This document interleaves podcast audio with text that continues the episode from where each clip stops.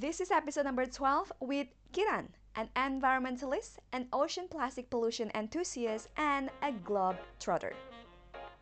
Welcome to Love, Health, Wealth podcast. My name is Zia, an Ayurvedic practitioner, a yoga therapist, and also a dance therapy facilitator. Every Tuesday and Friday, we're sharing with you valuable information and inspiring interview, offering you a more holistic approach to love, health, and wealth so that you can have the body and life you love and love the body and life you have. With so much love and excitement, let me present to you today's episode. Selamat sore Kira. Selamat sore Zia. Selamat datang ke apartemenku. Thank you. Biasanya kita udah sharing kosan dulu maksudnya. Dulu gila ya. Sekarang selamat datang, agak naik kasta. Di dari apartemen ya sekarang ya. Bagus Tuhan. So before we, We uh, grow record the podcast, yeah we did grow. before we start the pod, this podcast, aku sama Kiran tuh uh, bernostalgia zaman-zaman 2010 mau uh, ke luar negeri bareng, terus pernah pernah sharing apa namanya apartemen, eh kok apartemen, Kosan bareng di kosan Ubud. bareng di Ubud, yang mana kayak kosannya tuh sebenarnya udah murah ya, tapi itu kayak ya biar hemat aja gitu. Iya, kita anaknya yang penting live the fullest banget. Atau atau kerek kan kayak tipis thin line dasar Tapi nggak berasa ya kalau tinggal di Ubud true, dengan true, seminimalis. True, true, true. Iya. It was such a fun time. So first of all, buat teman-teman yang um, belum tahu Kiran, uh, and my relationship with her, sebelum kita ngomong ke serious part of her, Kiran itu aku ketemu Kiran lupa tahun berapa, lu 2009 Udah apa 10 ya? lah. 2009 2010 ya. Iya, iya. nggak sengaja kita ikutan um, organisasi international bareng Internet Student Run International Organization something like that it's called ISAC Uh, tapi Kiran itu sama Zia kampusnya jauh jadi kita Iya. jarang ketemu terus nggak sengaja kemudian ketemu lagi di seleksi anak Pertukaran anak belajar ke Korea Korea Selatan. Korea Selatan belum musim Korea sebe- sedemam sekarang tapi itu udah agak mulai kayak Yang penting gimana yang cari bisa keluar negeri. Iya iya iya iya. That's that's the one of the biggest That was thing. the first Ya, start ah, yang motivation. connectin Kiran sama Zia banget adalah kita sama-sama punya big interest buat keluar negeri. Explore the world ya. Heeh. Terus habis gitu, kemudian tahun 2010 tuh, eh iya 2010, aku apply beasiswa ke Turki. Um, Summer tiba- course. summer course. Belajar bahasa Turki kan coba kayak apa coba ya bahasa apa random banget. Yang penting luar negeri ya, Bu ya. Yang penting keluar. terus tiba-tiba pas dapet pengumumannya ada nama Kiran terus gue kayak Kiran Agustina kayak gue kenal gitu ternyata beneran orang yang Terus sama kita jadi ngerjain proposal, proposal bareng. bareng Ah, ah, dan this is the the most interesting thing I think not interesting the sweetest thing that we share in our friendship is that kalau orang I mean everyone wants to go not everyone most people wants to travel the world gitu kan Exactly. for Kiran and I, I think what we connected the most is our ability to find um, a way to make it possible. Yes. Karena both Kiran and I, we, we didn't come from like rich family. We don't come from rich yeah, yeah. yang kayak bisa Pak, Pak, coba yayasan ayah bunda bayarin Iya. aku mau keluar negeri gitu kan. Besok. Ah, Enggak. tapi kita kayak kita You know harus cari find duit. way. Exactly, cari duitnya, cari opportunity-nya. Bahkan karena nggak ada opportunity kayak kan kamu buka cerita, Kiran made the opportunity buat keluar negeri padahal kagak ada Iya. ceritanya itu. Dan a little bit flashback juga. Jadi kayak ingat gak sih yang ke Turki itu kan semua dibayarin kecuali tiket kan. Kecuali tiket. Tiket aja kan sebenarnya udah lumayan ya, Bu. Eh, iya. Waktu itu kan 10 juta inget 10 nggak juta lo? terus kita Kita kayak udah ditagihin sama si Agene inget nggak? terus Zia Kir ini ada dari Kementerian Pendidikan Lumayan 10 juta 10 kan itu? juta and we got like 20 terus dibagi dua terus Iya, pas pas emang gitu. nggak pernah berlebihan sih Iya. kita dapat kita ya. selalu dapat jalan tapi nggak pernah Iya, iya. tapi Tapi ya.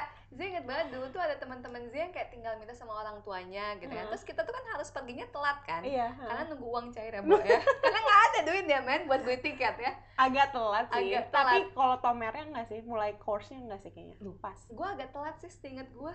Kayak nggak nggak lama sih, kayak seminggu apa. kita bareng kok perginya sih. Inget nggak sih kita di, pe- di pesawat yang turbulence terus Iya, iya. sehari? Itu pertama kali gue naik pesawat kan kampung dasar terus itu nggak pernah kau surfing inget nggak kau iya surfing? iya kan surfing! Holy moly oh my god! Dijemput dua cowok Turki. We can talk about that later. But basically, in summary, is Kira and I we've been friends for almost a decade now. Oh my god, it Exactly. seems Oh a while. God, What's going to be the Gila, next gila, decade? gila. Gak ngerti gue. Oh. Mungkin punya pasangan. Amin. Aminnya berat ya. Eh Kira That's come from within. gue open aja open. Uh, um, but something that I actually want to highlight here, karena di podcast Love Health Wealth ini kita banyak banget jenis orang. Hmm. Jadi kit- aku nggak cuma punya uh, apa nge-interview orang yang very academic or very non academic or musician, tapi kita punya banyak. in- Aku interview banyak banget Hmm. jenis orang, Hmm. tapi semuanya ada garis benang merahnya. Hmm. Uh, and that is how I see these people, um, starting with the people that is the closest to me, as I've personally found as a source of inspiration. Karena yang pertama, they have their own unique way to look at the world. Jadi kayak saat kebanyakan orang thinking about career and money, ini just typical things Yeah. gitu kan. These people, including you, pursuing something that is uncommon and yet is very cool. Kayak Hmm. Because most of us the reason why we do the things that many people do is because kita kan pengen ngerasa connected kan. Kita Yeah. pengen nyambung sama Yeah. orang. Kita pengen diterima gitu kan. Exactly ya. Makanya True. banyak orang yang ngerasa um, ini sebenarnya bukan jalan aku gitu. Yeah. Tapi orang tua aku minta kayak gini, Mhm. semua orang kayak gini. Mhm. Nanti kalau misalnya gue beda Yeah. sendiri gimana? Tapi Yeah. kayak orang-orang yang aku feature di podcast ini, khususnya salah satunya kamu gitu kan. Um, I find you guys very um, pertama brave and courageous. Uh, and one of the biggest important thing is actually you guys know what you want. That's exactly what I see from you, Zia. Masa? Of course. Thank And when you say it's role model, ya, I Hmm. agree that we cannot see role model jauh dari yang padahal Hmm. ada di sekitar. And Exactly. you're one of my role model Aw. as well. Gue masih inget banget, eh, masih motor nih Zia masuk. Zia tuh gila ya, dia dia pengebut banget.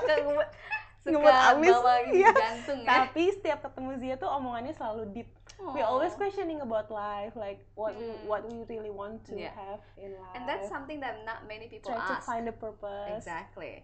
Dari dulu udah berat ya. Dari dulu ya. Kita ngobrol tapi berat ya. Kita kan kalau hidup tuh pasti ada tujuannya ya. Tujuannya apa ya? Emang udah berat Dari ya. zaman kuliah. And this is like, I mean, I don't, I don't, not that I say that my life is better, but I feel so very fulfilled and content with where I'm at right now. Yeah. Even though I'm separated with my marriage Hmm. gitu kan. Hmm. Um, but I feel so good in my Iya. life. Dan kalau misalnya aku runut, salah satu Hmm. hal yang aku yang membuat aku jadi aku yang sekarang adalah because I question about life, I'm Yeah. curious, curious. and I don't mind to be different, yes. and I know what I want. True. Nah, balik ke Kiran sekarang. Hmm. How do you know that this is what you want? Hmm. Kayak maksudnya kayak kamu dari dulu tuh kan kayak udah um, in your path bahwa um, very dedicated to like Hmm. ini environment. Like when people are thinking about like environmental issue, Mhm. you're doing environmental issue. You're studying about like fisheries and marine iya. and everything like the track record tuh Mhm. semuanya itu gitu loh. Iya, iya.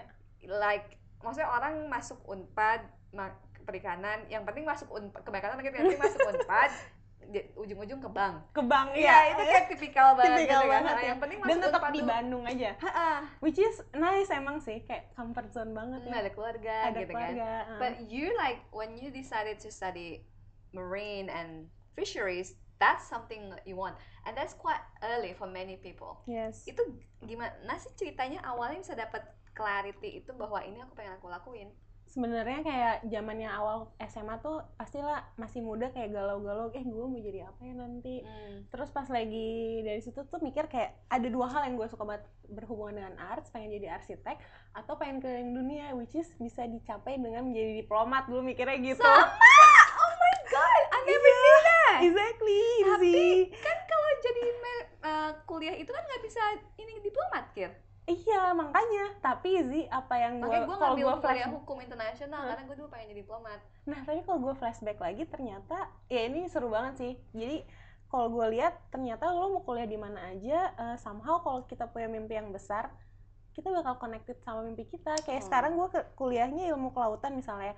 terus uh, gue kerja di UN pernah terus kayak pernah kerja di multilateral organization hmm. those work something that people from hmm. HI kan yang hmm. kuliah di sana yeah. nggak kebanyakan dari yeah. ilmu kelautan atau yeah. perikanan jadi sebenarnya ya uh, tetap punya mimpi yang tingginya itu loh tapi kayak uh, banyak jalan menuju Roma yeah. yeah, yeah, nah yeah. dan awalnya tuh pas kuliah pas SMA kayak bingung mau kuliah apa Uh, tapi si mimpi keliling dunianya udah tetap firm. ada udah yeah. firm udah firm banget gara-gara gue kayak ngelihat om gue dulu diplomat terus kayak anaknya berantem aja pakai bahasa Inggris kok jago gimana ini pembantunya bisa bahasa Perancis gara-gara ikut waktu kayak Coba. dinas ke Maroko hmm. segala macam kayak wah ini kayak pengen deh bisa kayak gitu biar hmm. biar bisa kok bisa educated tapi keliling dunia juga hmm. segala macam nah terus kayak ya udah pokoknya mau kuliahnya pilihan pertama kedua semuanya HI HI HI Unpad HI UI sama um, arsitek di ITB waktu itu. Yeah. Terus tapi akhirnya papa bilang gini, deh kamu nggak mau nyoba ilmu ilmu kelautan sama perikanan? Oh malah itu sebenarnya nggak ada? Nggak, no, oh. no no no. Terus udah gitu, hah serius mau jadi apa? Itu kayak bener-bener nunjukin how small minded gitu loh aku dulu. Hmm. Terus kayak terus papa dulu karena dinas perikanan dulu kan papa PNS kan di dinas perikanan. Terus uh, akhirnya kayak ya udahlah nyobain SPMB uh, ya udah pilihan ketiga itu pilihan ketiga sebenarnya bukan satunya apa HI HI UI HI Unpad uh, pilihan ketiga yang kedua uh, HI Unpad kalau nggak salah pilihan pertama HI UI Nih. Oh oke okay, oke okay, oke okay. HI HI. HI banget lah pokoknya pengen keliling dunia. Ah diplomat itu. iya. Okay. Terus pilihan ketiga baru ilmu kelautan. Terus ada gitu taunya yang keterima itu. Yang ketiga. Yang... How do you feel at that kayak, time? Kayak, oh my god, kayak wah nasib gue kayak gimana kayaknya nggak nggak berbayang sih nasibnya hmm. kayak gimana nah tapi sebenarnya lucunya Do you feel disappointed at that time that yeah. you didn't get what you think you want gitu kan iya yeah, karena kan yeah. maksudnya kamu punya rencana A dari eh kamu pengen ke B dari A kalau mau ke B lo harus ngambil poin-poin ini terus tiba-tiba kayak eh, eh, eh, eh kok gue jadi yeah, belok exactly. gitu kan nah makanya gue selalu mencari hal gimana caranya biar gue survive keep up sama ini kayak cari beasiswa ke luar negeri segala macam mm -hmm. kayak biar ada kayak intersect yang bikin gue tetap suka gitu yeah. nah terus udah gitu tapi lucunya pas kayak kumpul SMA kayak reunian kayak semua orang di HI di hukum hmm. di segala macam terus saya kira uh, kuliah di ilmu kelautan mau jadi apa itu tuh pertanyaannya yang yeah. selalu terekam dan teringat mau jadi Putri Duyung mau jadi Popeye serius dan tapi di situ jadi makin kerasa kalau oh ternyata image dari seluruh anak Indonesia anak mudanya juga nggak ngelihat kerja atau kuliah di ilmu kelautan itu suatu yang prospek ke depannya hmm. gitu. Terus dari situ gue jadi kayak lebih malah termotivasi. Wah, ada yang salah nih.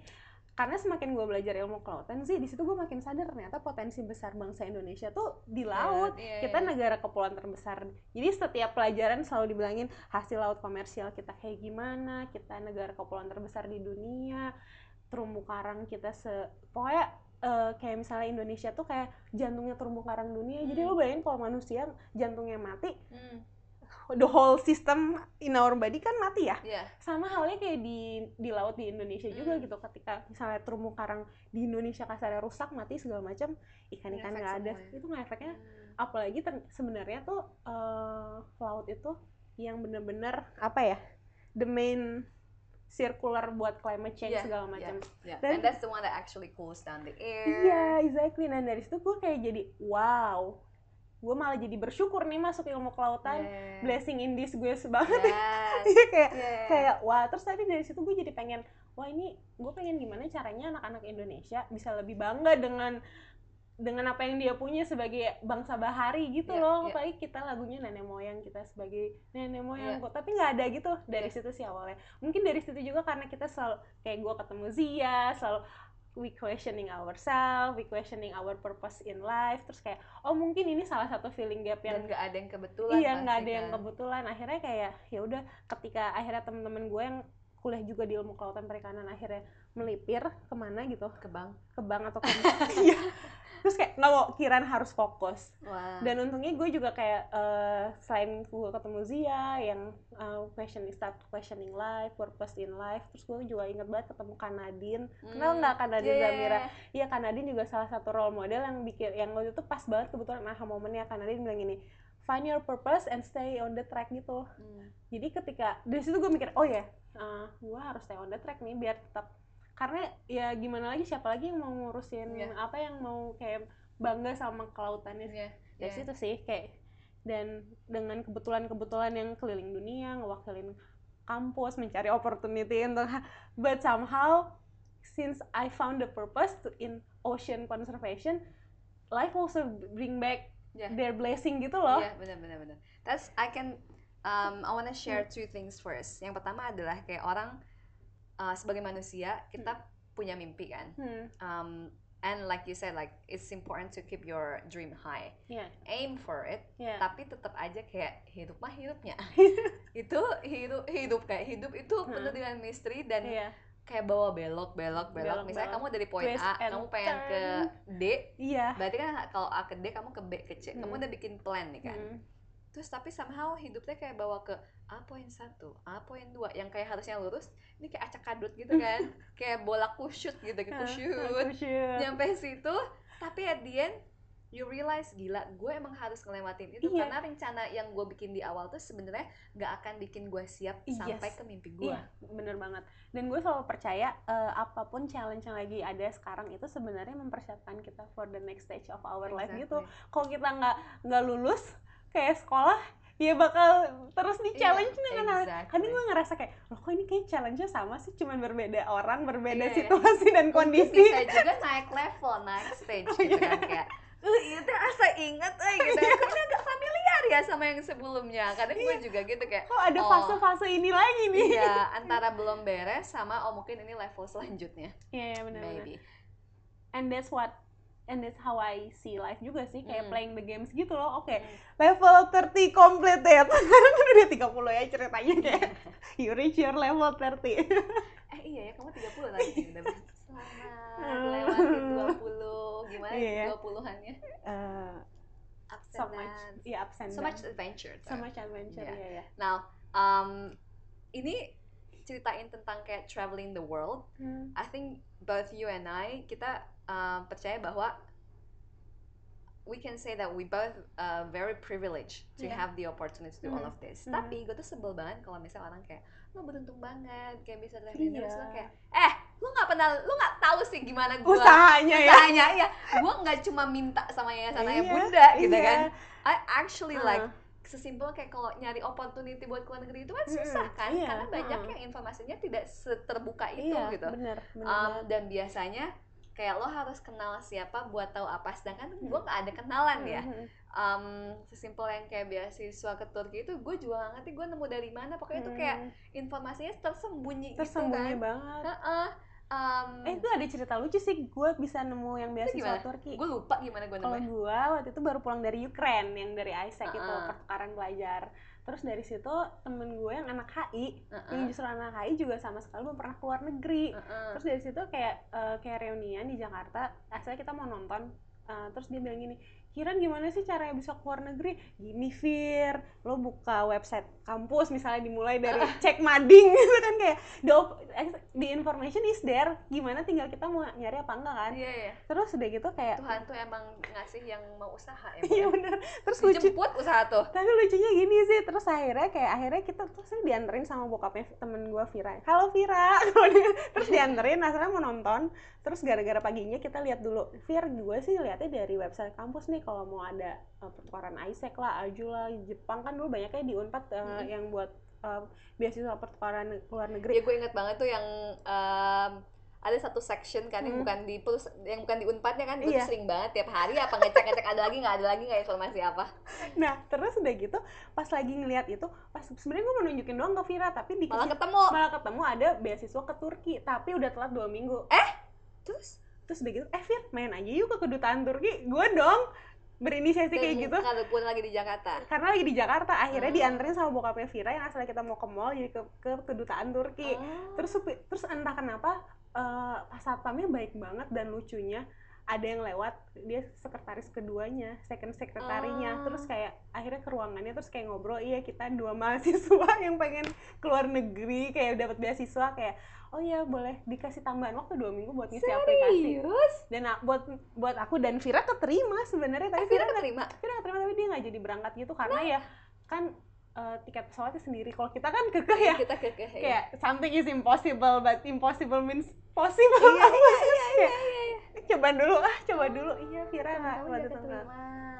banyak kok ya That's so interesting. So now let's talk about all of these opportunities that brought you outside of Indonesia. Hmm. Karena uh, dan gimana sih struggle-nya? Gue nggak Yeah. cuma pengen nge-highlight the beautiful stories. Lo bisa Yeah. lihat di Instagram lah kalau Iya, yang bagian hmm, bagus-bagusnya hmm, gitu kan. hmm. Tapi gue pengen tahu uh, si challenge-nya and struggle how you get that. So first, the first Hmm. thing that you get ab- Hmm. abroad is ISEC ini kan. Isaac. Jadi ISEC ini adalah International Student Run Organization, kayak semacam ekskul di banyak Mhm. universitas, dan mereka offer student exchange program. Iya. Mau lo masih kuliah atau lo udah agak profesional juga sebenarnya mereka ada kan. Mhm. Kamu waktu itu ngambil yang ke waktu itu gue dapetnya di Ukraine, Uh-uh. which is the best social project. Eh, namanya World Without Border. Ketika orang-orang lagi pengennya keluar negeri ke Eropanya, Eropa Barat, terus gue Eropa Timur. itu kamu milih. Karena waktu itu opportunity cuma ada di Oh. Eropa Timur. Kayak eh, ya udahlah, Mm-mm. yang penting keluar negeri. Mm-mm. Dan karena tapi jadi dari situ lebih bersyukur sih. Karena eh, Ukraine ngajarin how to survive pintar banget ya, Bo. Nine, minus 9 how to survive in the hardest way sih dan itu kayak perjalanan pertama gua jauh dari rumah Iya. kayak udahlah sebelumnya paling kayak cuman ke Malaysia ke Iya.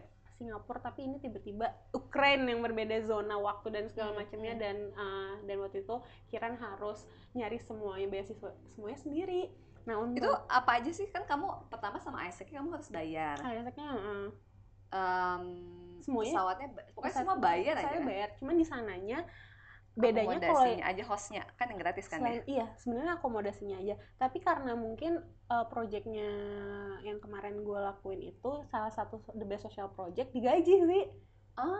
tapi digajinya itu nggak besar sih tapi ya sangat helpful sih buat Hmm. buat jalan-jalan lagi di kotanya gitu Mm-mm. nah terus abis itu uh, wah gimana nih? Ada opportunity ada kesempatan. Karena nggak gampang juga kan mau terima Isaac pun ada tes Iya, tes iya, iya, tesnya iya, kan. It's not as that simple kayak isi aplikasi terus keterima tinggal pilih interviewnya tinggal lah pilih ada nah. apa? Dan Tetap- zaman segitu kan karena belum terbiasa ngomong bahasa Inggris Hmm. di interview ngomong bahasa Inggris aja kayak asa susah gitu kan Iya bener banget. Terus gue kayak untungnya dulu waktu di SMA, dulu kan SMA 2 tuh seneng banget ngadain bazar. Terus gue kayak koordinator dana usahanya. Ah. Terus waktu itu gue pernah, eh, kita dalam tiga bulan harus ngumpulin 200 juta atau 300 juta gitu. Untuk bikin bazar, artis, ngundang segala macam. Dan dari situ kita dibagi dana usahanya bikin proposal. Proposal buat perusahaan, proposal buat alumni, proposal buat dana sekolah gitu. Dan gue mengaplikasikan apa yang dulu gue itu itu. untuk Wow. untuk dapat untuk bisa keluar negeri nih jadi dengan proposal sih oke proposal. Terus gue masuk bikin proposal bikin proposalnya masukin ke fakultas dapat duit. Masukin proposalnya ke universitas dapat duit. Terus kayak eh, masih kurang nih harus eh, terus proposalnya jadi waktu pas SMA tuh ada juga dana usaha alumni. Jadi kayak beberapa alumni masih duit. Ngasih duit. Terus jadi kamu gua- apply iya gue kamu ngasih. malah alumni tapi kamu yang minta duit. Iya. Bisa? Bisa. Macam apa mau? Gue masuk SMA 2 buat dua duit alumni. Tapi uh, alumni gue alumni Unpad Fakultas Perikanan jadi nyari alumni alumni FPIK oh yang udah buat sukses. oh oke oke oke. Tapi yang waktu itu tuh kayak ada salah satunya uh, udah kerja di Kementerian Perekonomian. Terus ada yang jadi kepala di, di daerah segala macam Hmm. gitu. Tapi gue juga tetap ngasih proposalnya. Ya, ya, ya. jadi kebanyak terus apa sih isi proposalnya? Isinya kayak intinya kan proposal itu you need to convince others to invest money on you. Iya. But like what do they get in return then? Iya. Mereka percaya CSR aja ya. gitu ya. Mungkin mereka bangga kali ya ada anak ilmu kelautan ya kayak pengen eh, ya mewakili Unpad, mewakili Hmm. Indonesia. berarti isinya apa sih kayak how do you convince them that they need to give you that they should give you money ya projectnya tuh ngapain aja, seberapa meaningful sih si sosial project ini dan Hmm. seberapa pentingnya adanya perwakilan dari Indonesia, adanya perwakilan dari universitas atau Hmm. dari fakultas sendiri dengan adanya di situ. Hmm. terus kayak eh, ngapain aja butuhnya apa aja iya sama Iya. sebenarnya gue meng referensinya proposal waktu bazar Iya. kurang Intinya- lebihnya nah. ada kontraprestasinya apa Iya. itu kayak kalau teman-teman macam eh maksudnya teman-teman kebanyakan kamu mungkin habis kuliah nongkrong gitu kan Hmm. ini mah bikin proposal Iya, gitu. nah ini menarik juga sih Zi, gara-garanya tapi kayak akhirnya dari situ gue bisa ke Ukraine dari Ukraine tiba-tiba kan gue harus cuti kuliah dan itu jadinya juga we have to willing take berapa risk sih? Satu satu, satu jadi satu semester, semester, ya. Enam bulan cuti kuliah. Dan pas lagi dan sebenarnya ke yang Isaac ke Ukraine itu kayak cuma dua bulan. Jadi sisanya gue empat bulan lagi. itu mau ngapain? Empat bulan di lagi Indonesia? mau ngapain? Nah pas gue baru pulang itu yang terus akhirnya gue ketemu teman terus dapet beasiswa ke Turki. Dan itu kayak cuma kita cuma punya satu bulan. Ingat nggak sih? Kita cuma punya satu bulan buat nyari dikit duit iya, buat nyari duit walaupun kita akhirnya dapat juga. Ya. agak yang agak telat tuh sebenarnya kita dapat dapat dapat dana dari Kemendiknas tapi Hah? terakhir pas Iya. udah nyampe Iya, Indonesia iya, which is malah jadi cuan jalan-jalan Iya. setelahnya gue gue gue pasang banget behel sih Ingat nggak? Ingat nggak sih ke BNI kita tuh nyairin duit Iya. terus kayak oh my my god, god, iya, kayak iya, duit iya. ya. tapi eh, makanya itu hal-hal yang eh, yang iya we have to want to take a risk juga Iya. kan nah terus kan sempat ngurusin Aju juga ya nah aduh gimana nih kebanyakan perusahaan Aju tuh yang belum tahu dia universitas di Korea Selatan Iya, di yang Korea waktu itu Selatan. kita juga interested to apply Iya. for student exchange. atau student action di Korea Selatan. Nah, terus tapi jadi kenal sama supir di Unpad, jadi kenal. Nah, untung mungkin anak Bandung mah someah ya, Iya iya. seneng senyum dan seneng. Jadi gue tuh nggak, Apa kabar? gue Gitu tuh ya. bertemannya nggak cuma sama teman-teman seumuran gue doang sih pas kuliah, tapi berteman sama eh, pas satpam di kampus, satpamnya rektor. Dan sama- itu apa yang lo dapetin dari teman sama mereka? Jadi kayak misal, Pak, Pak rektor ada, Eh, ada, mas mas mas coba tanya dulu ke sekretarisnya gitu. Terus Iya. tiba-tiba ada anak kuliah, saya mau ketemu nantinya udah izin belum? Kayak gitu. Iya, iya, iya, iya. Dengan- jadi kita harus berteman sama banyak orang Iya. sih Zi. I wanna stop you there because this is something that I learned from my mother. Hmm. Dulu sih gue kayak risih ya, misalnya di Hmm. angkot, mama teh Hmm. kayak almarhum ibu Hmm. kayak sama semua orang diajak ngobrol Hmm. tukang sampah diajak ngobrol di angkot yang sebelah diajak ngobrol Iya. tukang ini diajak ngobrol Hmm. semua tukang bakso pokoknya kalau kita jalan tuh kayak assalamualaikum ya itu apa gitu kan kayak gue sebagai anak kecil kadang gue malu kayak aduh Hmm. kenapa aduh si ibu Hmm. teh Hmm. semua aja diobrolin gitu kan but now I see the value of that karena pas Iya. ibu meninggal Hmm. banyak banget yang ngebantuin Zia dan mereka Oh, kayak terharu. Iya, dan mereka tuh kayak dulu ibu kamu baik banget sama saya. Dan kayak pas dia ke mana tiba-tiba oh anaknya ibu bla bla bla terus kayak dan mereka jadi baik gitu. Oh. Iya, iya, Gak iya. cuma sama ibu Zia almarhum Heeh, ibu pas heeh. ibu masih hidup Iya, gitu iya, kan. heeh. Tapi buat Zia juga ngefek banget dan in this case Iya. Like for you for example aku juga merasakan banget yang kayak berteman sama orang yang karena maksudnya kebanyakan orang kayak gengsi oh Iya, siapa malah di nggak bawah dilihat gua gitu. Heeh, Hmm. gitu kan They have their own role to Iya, play in iya, our life. Iya, exactly. Mm-mm. Dan kayak dapat banyak privilege yang kayak orang lain gak dapat Iya. karena lo pikir temenan sama orang yang quote on quote di bawah lo nggak ada benefitnya. Sebenarnya kayak they is it's been very Iya, helpful in my life. Jen. Iya, dan gue kayak ngobrolnya jadinya waktu di Unpad tuh nggak cuma nama security sama Hmm. supir. Jadi lucunya pas itu tuh kayak, duh gimana ya gue harus ngirim proposal ke perusahaan-perusahaan yang ada cuma di Jakarta. Hmm. Dan tapi itu butuh uang kan, kayak eh, pulang pergi Jakarta, udah gitu dua minggu lagi harus dicek follow up. Itu kayak emang ada follow up proposal segala Iya, macam. iya. Dan ternyata gue ketemu sama supir Unpad yang tiap hari Senin itu harus kasih ke Kemendiknas. Neng mau ikut nggak sama bapak? Pak boleh ikut ya udah kirain mah ikut aja ya. Oh, iya tapi itu kayak salah satu hal yang nah terus menariknya lagi kayak akhirnya gue bisa keluar negeri keluar negeri. Tapi gue sempat juga ngerasa awal itu tuh agak jauh sama temen kuliah Nah, gue that's something that I also experience Iya. karena Zia kuliahnya 7 tahun karena Heeh. Zia kebanyakan main Heeh. maksudnya kebanyakan ke sana ke sini Iya. juga kan Heeh. um, part of me of course kayak sampai sekarang Zia nggak wisuda men karena Heeh. Zia mau wisuda kayak Zia nggak kenal orang kayak I don't know anyone orang Heeh. udah pada lulus dari kapan Heeh. kan would you I mean of course everything is both good and bad Mm-mm. the question is would you trade this experience to travel Hmm. and everything because just, just so that lo bisa bareng sama teman-teman kamu? Enggak enggak. Karena itu banyak banget yang justru ngasih impactful.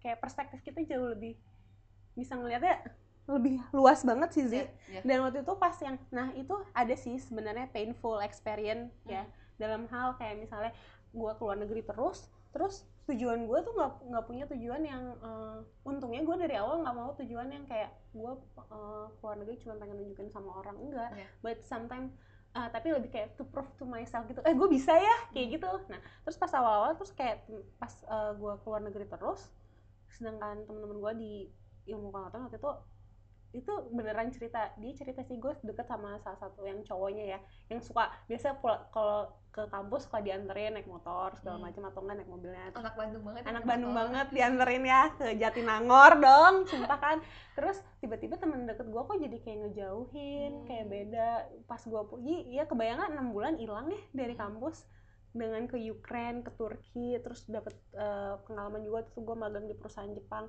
Tapi balik dari situ kayak mungkin orang ngeliatnya kayak kiran yang berbeda gitu atau gimana kayak hmm. uh, ya udah beda gitu macam terus agak sedih sih di yeah. situ kayak kok jadi dijauhin sih kayak yeah. gitu terus tapi temen gue yang coba iya kir lo, karena lo tuh udah ke mana-mana sedangkan kita tuh kayak cuma nongkrong doang di kosan pulang kuliah yeah. sebenarnya kita pengen kayak lo cuman ya kita mager gitu. Nah mungkin orang-orang yang sehat yang sadar kayak ya itu mah Instead opportunity yang dikejar gitu. Malah, harusnya jadi termotivasi nggak sih kira yeah. aja bisa kalau iya, iya, ya? iya. Dan itu tuh juga ternyata itu kayak kebanyakan dialami sama beberapa orang yang mendapat beasiswa-beasiswa ke luar negeri luar negeri hmm. juga. Nah ada senior gue juga bilang gitu kayak kok di orang kayak questioning padahal sebenarnya uh, ke, apa fasilitas yang kita dapat sama waktu 24 yeah. jam semua informasi ada di internet iya. semua yeah. jadi kayak ih kok nggak ngasih tahu sih ya tinggal lo buka aja internet yeah. tinggal lo mau nggak cari informasinya kayak gitu kan yeah. tapi semua orang kayak nggak gitu ada hal nah tapi dengan yang kayak gitu gue juga jadi belajar kayak oh ya udah kayak uh, lebih kuat sih ngerasa kayak lebih dalam hal yang kayak lebih kayak apa ya just be true to yourself gitu yeah. loh iya kalau ya ini kan mimpi lo kayak ya udah biar orang taunya nanti aja karena ketika sekarang makin ke sini gue juga bisa giving back sama society bisa bisa sharing pengalaman yeah. bisa uh, ngelakuin project-project karena kayak ya namanya juga kayak di pesawat ya selamatkan dulu diri kamu sebelum yeah. menyelamatkan orang lain di situ gue udah sadar kayak oh gue harus uh, ya gimana tiba-tiba mau bareng-bareng tapi hmm. kayak ya gue juga belum 100% yakin bakal keterima hmm. atau gimana segala macam kan ini penasaran you relate that experience sama temen kan hmm. sama pria gimana jadi maksud gue adalah eh udah senyum duluan ya jadi maksudnya kayak gini nih ini kan sebenarnya kalau aku observe itu hmm. karena Indonesia itu kan dia a very communal society hmm. yang kayak semua bareng-bareng gitu loh hmm. gotong royong banget hmm. tapi downside yang toksiknya adalah jadi kayak kita harus semua harus sama dan kebanyakan orang kan mager mungkin ya hmm. jadinya kayak kalau maju dikit Eh, jadi selek gitu kan. Yeah. jadi envy lah atau apalah. Karena dulu juga Zia sering diomongin uh, pernah diomongin terus kayak ya lo ya tinggal ini aja nggak sih? Tapi ada juga yang kayak gue mau iya iya nah. ya bawaan orang kali ya tergantung bawaannya gimana orangnya. Nah ini Indonesia kan cowok-cowok juga cara berpikirnya kan kebanyakan orang maksudnya kebanyakan cowok. Kayak ya cewek di rumah cowok tetap harus yang lead the family or whatever. hmm has it been I mean I know this personal story but I wanna like interview you here as if I don't know gitu kan kayak has it been has have you been like finding guy feeling intimidated? Karena kamu orangnya very you know who you are you know the dreams you want to achieve and you know how to get it. Um, have you been experiencing experiencing that apa ya cowok-cowok khususnya Indonesia kali ya? Hmm merasa terintimidasi sama kamu jadinya malah nggak ada yang deketin misalnya hmm. karena kan ujung-ujungnya ya apalagi waktu masih muda gitu kan hmm. cewek juga kan pengen kayak ada yang you know we want to feel you know appreciated yeah, and adored like yeah. has it been challenging in that area justru waktu pas zaman kuliah semuanya gue uh, in my past relationships kayak kayak kebanyakan malah mereka suportif banget sih. Ah. mantan mantan gue yang aku ingat satu yang sangat suportif sekali itu. Sangat suportif banget tapi nah karena itu sih lucunya karena uh, abis sama dia sebelumnya sebelumnya sampai yang paling terakhir ya lo juga tahu. Kalau yang terakhir juga sebenarnya support sama mimpi-mimpi gue sih. Nah tapi kalau yang sebelum sebelumnya mereka tuh pada baik-baik banget saking suportifnya. Jadi gue ngerasa kayak oh, kok mereka nggak punya mimpi yang mereka mau kejar juga ya mereka oh, jadi kayak lebih jadi ini ke kamu terlalu ya? support aku uh. terus kayak ah. lebih kayak uh, jadi ngikutin aku padahal aku nggak kayak gitu anaknya lebih suka cowoknya juga tahu apa yang kita dia sama -sama mau di kita sama-sama pursuing. pursuing our dreams gitu loh hmm. dan itu yang justru bikin aku inspiring ke pasangan aku yeah. gitu nah yang sebelumnya jadinya lebih kayak iya kalau aku support deh segala macam tapi kayak jadinya terus mimpi kamu gimana kamu juga jangan jadiin tinggalin mimpi kamu gitu terus Iya, gara-gara dia mimpi kayak ninggalin mimpinya hanya untuk mensupport Kiran itu justru malah bikin aku turn off sih kayak Iya, ya. ya nggak kayak gitu Malah that's jadi not my ideal juga nggak sih? iya oh, jadi Iya. attached banget terus kayak that's not my intinya adalah the balance point between we need someone who support us tapi juga orang-orang yang, Yang- bisa mem- apa menginspirasi kita Iya. buat antara nge-break kita kalau kita terlalu ambi misalnya antara being there when we Heeh. need support Iya. dan antara lo juga um, doing your own thing Iya, karena jadinya nih. kayak we support each other Iya. gitu hmm. Nah kalau yang sebelumnya sih yang terakhir ya ya karena emang beda emotional stability aja kali. Tapi sebenarnya aku jauh lebih terinspirasi karena he knows what he wants gitu loh. dan itu jarang nggak sih karena gue nggak pernah sama cowok Indonesia ya Hmm. um ha- has it been difficult to like find an Indonesian guy who um know what he wants and like to be honest kayaknya ya deh. Kecuali Hmm. dianya udah keluar, dia udah terekspos sama banyak experience. Hmm. Tapi itu juga nggak menjamin sih kadang ketika udah balik lagi ke Indonesianya terlalu surroundingnya surrounding by the environment gitu I loh. think that's a really good point to highlight kayak um they say that um which I agree ada Hmm. yang bilang um, we are the average of the people that we surround ourselves with. Jadi Hmm. kemudian kan jadi penting banget Hmm. buat tahu, buat bukan buat tahu, buat memastikan siapa sih yang kita spend most of our time. Iya. hmm. Bahkan ada kayak studinya kayak kita hangout sama siapa, income kita tuh jadi mirip sama mereka. Iya bener. Eh, tapi itu bener loh. Experience Hmm, ada, oke. iya. Um, dan ini ini ini menarik banget. Itu cuma income ya. Mm-mm. Pasti kayak personality-nya, Mm-mm. um, our vision of life and so Iya. many other things. Jadi kayak yang kamu tadi cerita, walaupun misalnya udah kebiasaan di luar, tapi pas balik lagi kemudian di surround sama orang-orang yang maybe um, is not open minded about Iya, life, is very you know judgmental or whatever that Mm-mm, is, ya mereka juga kebawa kayak gitu. That's I think a really good point to really apa ya being aware who we surround ourselves with at Iya. the same time gimana caranya kita bisa nge-attract orang-orang kayak gitu ya dimulai dari sendiri juga Iya. gitu kan itu itu benar-benar life learning proses banget sih sebenarnya. Tapi gue juga ngerasa bersyukur dengan waktu muda ke Bali dengan minim salari, tapi pengalaman hidupnya sangat-sangat besar banget sih. Iya. Apalagi waktu tinggal di Ubud, yang kebanyakan orang-orang Ubud udah jauh lebih mikirin lingkungan juga sih. Mm-mm. lokalnya apa bulannya Eh, iya sih bulenya ya. Iya. Nah, karena Ubud tuh kayak melting pot Melting banget pot gitu. banget sih. Tapi Kiran kerjanya juga sama orang Indonesian lokal Pak Bayu yang Iya. super pemikirannya oke banget gitu loh. Hmm. yang kayak emang jadinya di situ belajar dan gua sempat ngedengerin Jack Ma itu kayak salah satu Jack Ma zaman dulu pokoknya belum ini belum on sebenarnya eh, belum iya. as as eh, belum as sekarang now sih tapi kayak dia pernah bilang eh, sebelum umur eh, itu tuh pokoknya kayak 20 tuh 20, absorb absorb observe observe ya. observe nah di situ kayak dan ketika papa yang dulunya PNS kayak nggak terlalu happy dengan Kiran ke Bali Mhm. tapi mama yang excited ih nggak apa-apa ke Bali aja masih muda cari Mama pengalaman kayak gitu banget, sedangkan papa kayak diem dan I know he's not happy Iya. kalau aku di itu ya kayak lebih pengennya aku PNS yang udah zona aman papa tuh yang super konservatif Iya, iya. zona aman kalau mama kayak yang explore dek ya ampun masih muda mah ya sekarang mama lihat anak-anak tuh kayak blogger vlogger kerjaannya nggak cuma satu ih kamu nggak apa-apa ke Bali ke mana cari pengalaman dan Iya. di situ kayak ah ya udah kayaknya aku pengen ke Bali karena pertama aku ngerasa kayak di situ kayak tempat aku bisa maksimalin belajar bahasa Inggris Iya. kalau aku di Jakarta doang kayaknya enggak terus Hmm. kayak di situ kayak melting pot aku bisa ngerasain punya pengalaman terkena international experience Hmm. without going abroad gitu Iya. loh sih kayak Iya, iya. paling deket ya Bali Iya. Karena ada pemikiran itu kayak enggak aku butuh ke Bali Iya. karena I know what I want I know what I need kayak aku pengen explore pengen advance Hmm. bahasa Inggrisnya kayaknya Hmm. sengaja tapi kan emang bener jadi Iya. ketemunya teman-teman teman kerjanya semua ya orang-orang luar yang Iya. emang dan nggak perlu jauh-jauh ke Singapura ke Malaysia atau sampai jauh ke luar negeri yang yang gimana nih caranya Hmm. cuman Bali gitu kayak lebih lebih lebih visible Iya. gitu Let's talk about that deeper. Karena Hmm. banyak orang kan sebenarnya mereka punya mimpi yang Hmm. pengen mereka raih. Hmm. Kebentur sama, sayangnya kebentur sama orang tua Mm-mm. yang tidak uh, align with that Iya. or doesn't support you. In Iya. this case, thankfully your mother support. Jadi Iya. kayak lo sebenarnya cuma perlu ngebalance bapak. bapak uh-uh. How did you, what did you do to convince him Uh-uh. atau at least bikin dia merasa oke lah sama kamu ngejalanin hal-hal yang sebenarnya mungkin dia nggak setuju.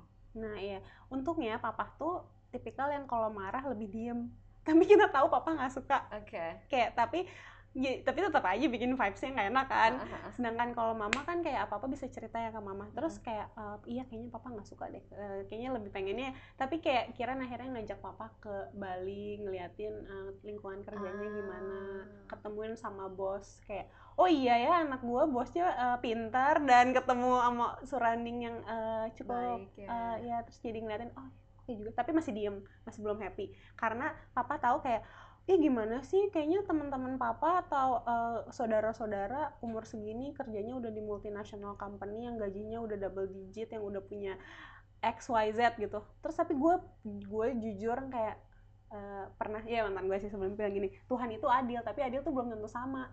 Dan gue juga yeah. ngerasa jadi kayak oh ya mungkin uh, sebenarnya gaji gue kayak cuman segini lah kayak cuman 10 persennya gaji temen gue atau yeah. mungkin sepertiganya sedikit yeah. tapi dari Experience, yeah. yang di Bali itu gue kayak ketemu orang-orang yang kayak kayak gue bisa selama dua tahun di Bali satu tahun pertama tuh kerjanya sebelah gue tuh kayak communication specialist dari Sydney Morning Herald yang dia juga uh, sekarang di Red Cross International dulu di Amnesty. Kayak super super keren keren banget sih. Dan itu tuh mereka uh, kayak kan kalau di Bali banyak kayak volunteering activities. Yeah. apa kayak support ngebantu NGO kecil NGO lokal tapi itu dibayarin sama pemerintah Australia. Yeah. dan dia kayak sebelahan gue terus kayak jadi gue cerita ke mama papa mah ini anggap aja kayak adek dibayar intern dibayarin. Kayak kerja tapi kayak sekolah. Yeah Uh, tapi dibayar yes. dan tinggal di Bali. Yeah. dan lucunya kayak kadang kalau misalnya gue kayak mikir aduh gajinya kecil ya segala macam tapi mama bilang deh ya ampun orang-orang di Jakarta tuh ngumpulin duit biar liburan ke Bali. Kamu udah tinggal liburan di Bali. Kamu udah tinggal di Bali tinggal bersyukur kan. Jadi kadang kalau capek juga kayak eh kan ini di Ubud. Lihat oh iya langsung beda gitu loh vibesnya. Hmm. nah tapi itu juga tetap apa belum tentu happy kan karena kayak ya tapi dengan seiringnya melihat sekarang kayak gue uh, punya mimpi terus kerja di naik naik naik naik gitu ya papa juga jadi ngeliat kayak oh iya anak saya tahu apa yang dia mau yeah. dan sebenarnya terbukti yeah. gitu